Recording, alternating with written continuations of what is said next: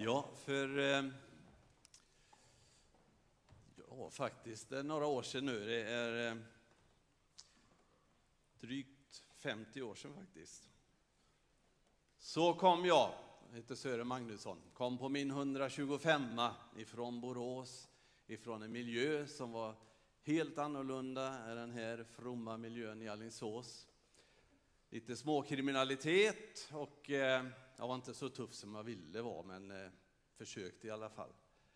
Hamnade här i Alingsås, i församlingen här. På Härsberget lämnade jag mig åt Gud. 1 juli 1972. Det var några år sedan. Det var några kilo sen också, och nästan ett för varje år. Men eh, det jag fann här i församlingen och i Herren Jesus Kristus, det var ett nytt liv. En ny inriktning. Och jag ska inte bli långrandig med det här, men jag vill bara säga att ta vara på den gemenskapen ni har här i församlingen. Den är viktigare för många än vad ni tror. Så när jag sen eh, läste till pastor, upplevde kallelsen att bli pastor, så fick jag mycket stöd här från församlingen. Så att eh, Gud välsigne er. Om jag säger 3 kolon 16 så tror jag att det är eh, många som känner igen det. Johannes 3 och 16. Men det finns fler verser i Bibeln som har 3 och 16. Eh, vad står det i Kolosserbrevet 3 och 16? Det är ju musikgudstjänst det här. Det står det så här. Låt Kristi ord bo hos er i hela sin rikedom och med all sin vishet.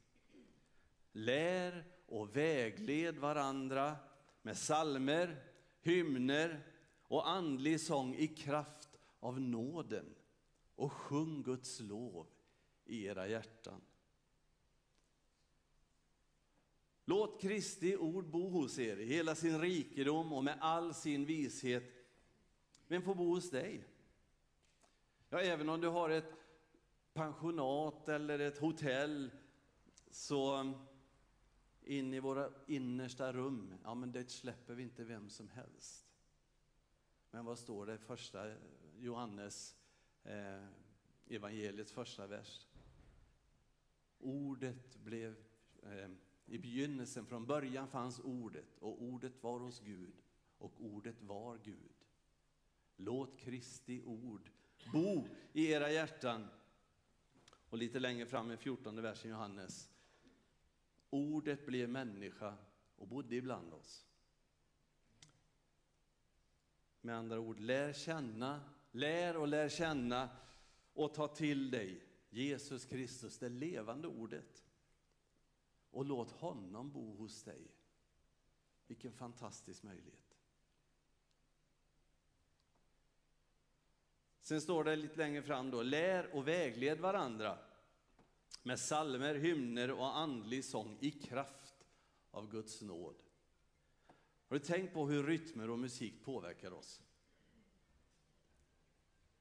Hur gör vi med de allra minsta barnen som inte kan prata? Jo, vi tar fram skramlor och vi tar fram kastanjetter och allt möjligt. Och så får vi en rytm. Det är så vi börjar, att vi får en rytm. Antingen man kan sjunga eller inte så det är så viktigt med rytmen och musiken. Eh, nu ska vi gå till ett större sammanhang. Tänk er nu att vi är på Ullevi. Där ryms det minst 50 000 människor om jag minns rätt. Och ibland har man konserter där. Och eh, så sitter man långt uppe på läktaren. Väldigt långt bak. Och, ehm, och så ser man där nere på scenen så står det en liten vitklädd gestalt som sjunger, pratar och uppmanar publiken att resa sig upp och när det blir stämning, ja då kommer, förr var det sån här tändare, nu kommer mobiltelefonerna fram med lampan och lyser. Och spontant där. Och eh, Efteråt så kan man prata med någon som sitter längst uppe på läktaren och som säger så här ungefär. Tänk, just det var precis som att det bara fanns jag och den som sjöng på hela arenan. För det var precis som att varenda stavelse, varenda vokal, varenda konsonant bara pratade direkt till mig träffa mig rakt in i hjärtat. Det var liksom som ingen annan fanns. Utan det som han eller hon sa och sjöng, ja, det tog tag i mig.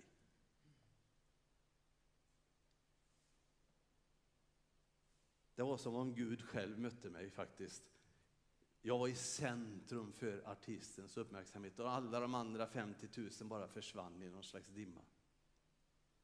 Så kan det vara. Det är självklart för många att uttrycka sig på det viset. Fast om man är med i samma sak i kyrkan så, och hela kyrkan är full med människor och så, då, och så kan man säga, tänk att jag mötte Jesus. Jag var i centrum av hans kärlek. Då kommer vän av ordning och talar om masspsykos och hjärntvätt och manipulation och så. Men det var ju precis det här som drabbade Paulus som skrev Kolosserbrevet. Eh, vi kan läsa om det i Apostlagärningarna om vi vill, men hur som helst var det Paulus, han som förföljde Jesu lärjungar. Han var på väg till Damaskus och skulle ge sig på Jesu lärjungar. Men det blev ett helt annat möte därför att han upplevde att han var i centrum för Jesu kärlek. Och människor runt omkring de hörde en röst, de hörde någonting som lät som åskan. Men Paulus, han fick ett möte med den uppståndne Jesus. Jag är Jesus den som du förföljer. Och så fick han uppdraget att gå vidare. Lär och vägled varandra med sånger, skriver Paulus. Ehm, en man eh, ifrån våra trakter här, eh, han gjorde värnplikten i Borås i mitten av förra seklet, på 1950-talet.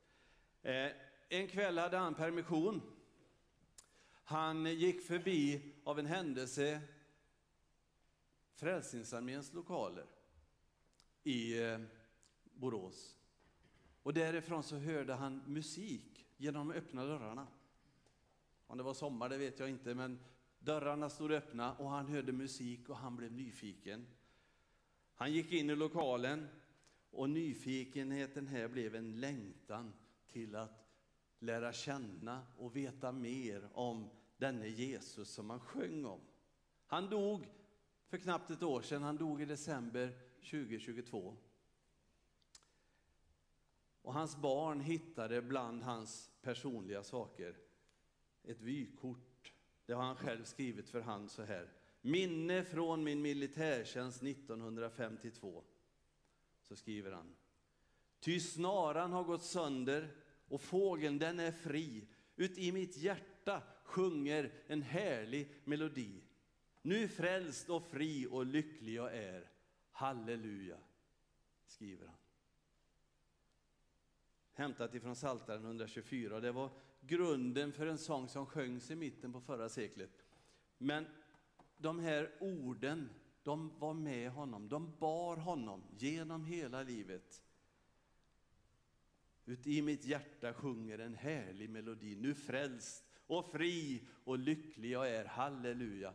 Och den här mannen, jag känner honom ganska väl. Jag har aldrig hört honom sjunga. Jag har aldrig hört honom läsa en dikt. Men några strofer från den här sången följde honom, det som han hörde ifrån Frälsningsarméns lokal. Följde, följde honom hela livet. Lär och vägled varandra. Tänk vilken musik och sång, vilken förmån det är. Även om man inte kan sjunga, tycker sig kunna det. Man kan höra en sång hundratals gånger och den är som ny varje gång. Även om man kan varenda ord utan till Och den, det hör man inte så ofta om predikningar. Har han inget nytt att komma med? Men gamla sånger, de är levande. Vad är det som gör att de är levande? Det är rytmen, melodin. Antingen man kan sjunga eller inte. Hur memorerar man? Ja, man memorerar faktiskt genom rytm musik och musik. Eh, jag har hört från en teologidoktor som säger så att hela gamla testamentet, inte bara saltaren utan hela gamla testamentet, är skrivet på vers och rytm. Det var så man memorerade. Innan man hade skriftspråket så memorerade man genom rytm och musik. Man skulle faktiskt kunna säga att man rappade den. Smaka på den du. Ja.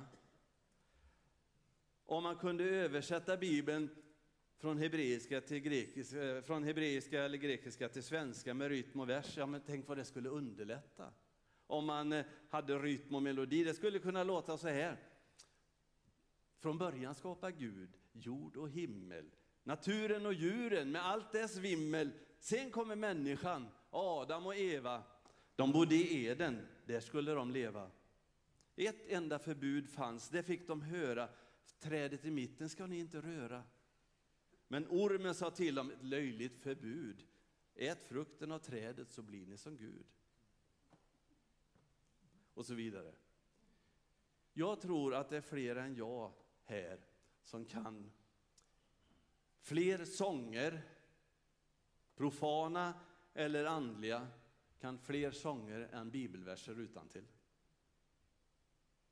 Rätta mig om jag har fel. Och en del blir ju som, till och med som silvertejp eller prislappar som man vill ha bort, de bara häftar fast och sitter kvar. Och det är inte alltid de snällaste, frommaste sångerna som sitter kvar. Frälsningsarméns grundare William Booth, han sa så här, varför ska djävulen ha all bra musik? Och så tog han välkända sånger och gav den en kristen text. Och människor som hörde det kände igen melodin, men många blev lärda och vägledda genom den här nya texten, för de kände igen melodin. Så lärde man sig. Texten sjöng på deras eget språk, rakt in i deras hjärtan. Vi har exempel på det. En sång från ett land i öster, om man översätter texten rakt så här.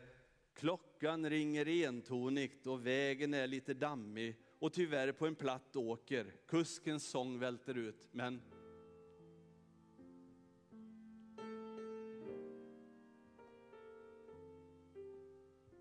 Den har vi gjort till våran. Jag har hört om en stad ovan molnet. Eh, den kan nog varenda svensk till.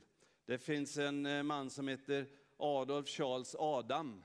Han är mest känd i världen för han skrev sammanlagt 51 operor, 8 balletter, men även kyrkomusik. Och han skrev en sång som vi alla känner igen.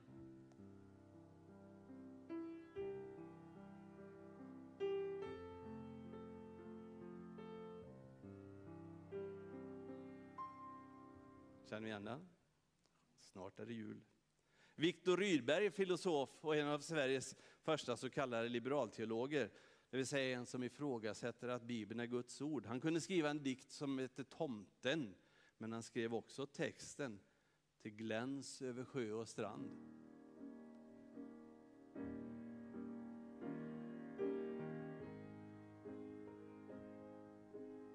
Lär och vägled varandra och sen fortsätter Paulus. Sjung Guds lov i era hjärtan. Sjung Guds lov i era hjärtan. Jag mötte Herren Jesus den dagen, eller det år som jag skulle fylla 17 och jag har sett en hel del musik komma och höra en del musik komma och gå i kyrkan under dessa år. Det finns barnkörer, lovsånger, ungdomskör, manskör, Vuxenkören Svarta pärmarna, de, här, de som var i 50-årsåldern. Så långt kunde man inte räkna på den tiden. Och det var solister och det var brass. Och jag upptäckte en sak, att musik är ett väldigt känsligt ämne. Och jag upptäckte också att vi blir väldigt lätt konservativa. Det gäller både gamla och unga. Vi riskerar allihopa tror jag att bli enfaldiga i den meningen att vi har lätt att låsa oss i en eller två typer av musik. Och samtidigt, ja jag skulle inte säga sådär, men eh, kanske rynka lite på näsan och kritisera andras musiksmak, därför att den är ju inte som min. Ja. Eller man kritiserar och tänker hur man uttrycker sin tro i musik. Det går trender i det.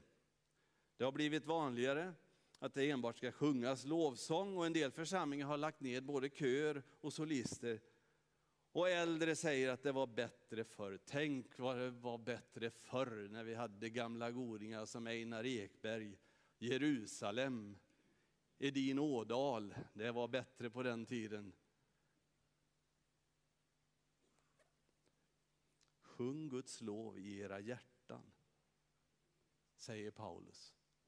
Hur hanterar vi de orden? Ja, men tänk om den som gjorde lumpen i Borås inte fått bli vägledd, utbildad och guidad genom den berättande sången han hörde. Ut genom de här öppna dörrarna 1952. Som sagt var, jag har aldrig hört den här personen ta ett ton. Men det som tog tag i honom, det var rytmen och orden i en sång.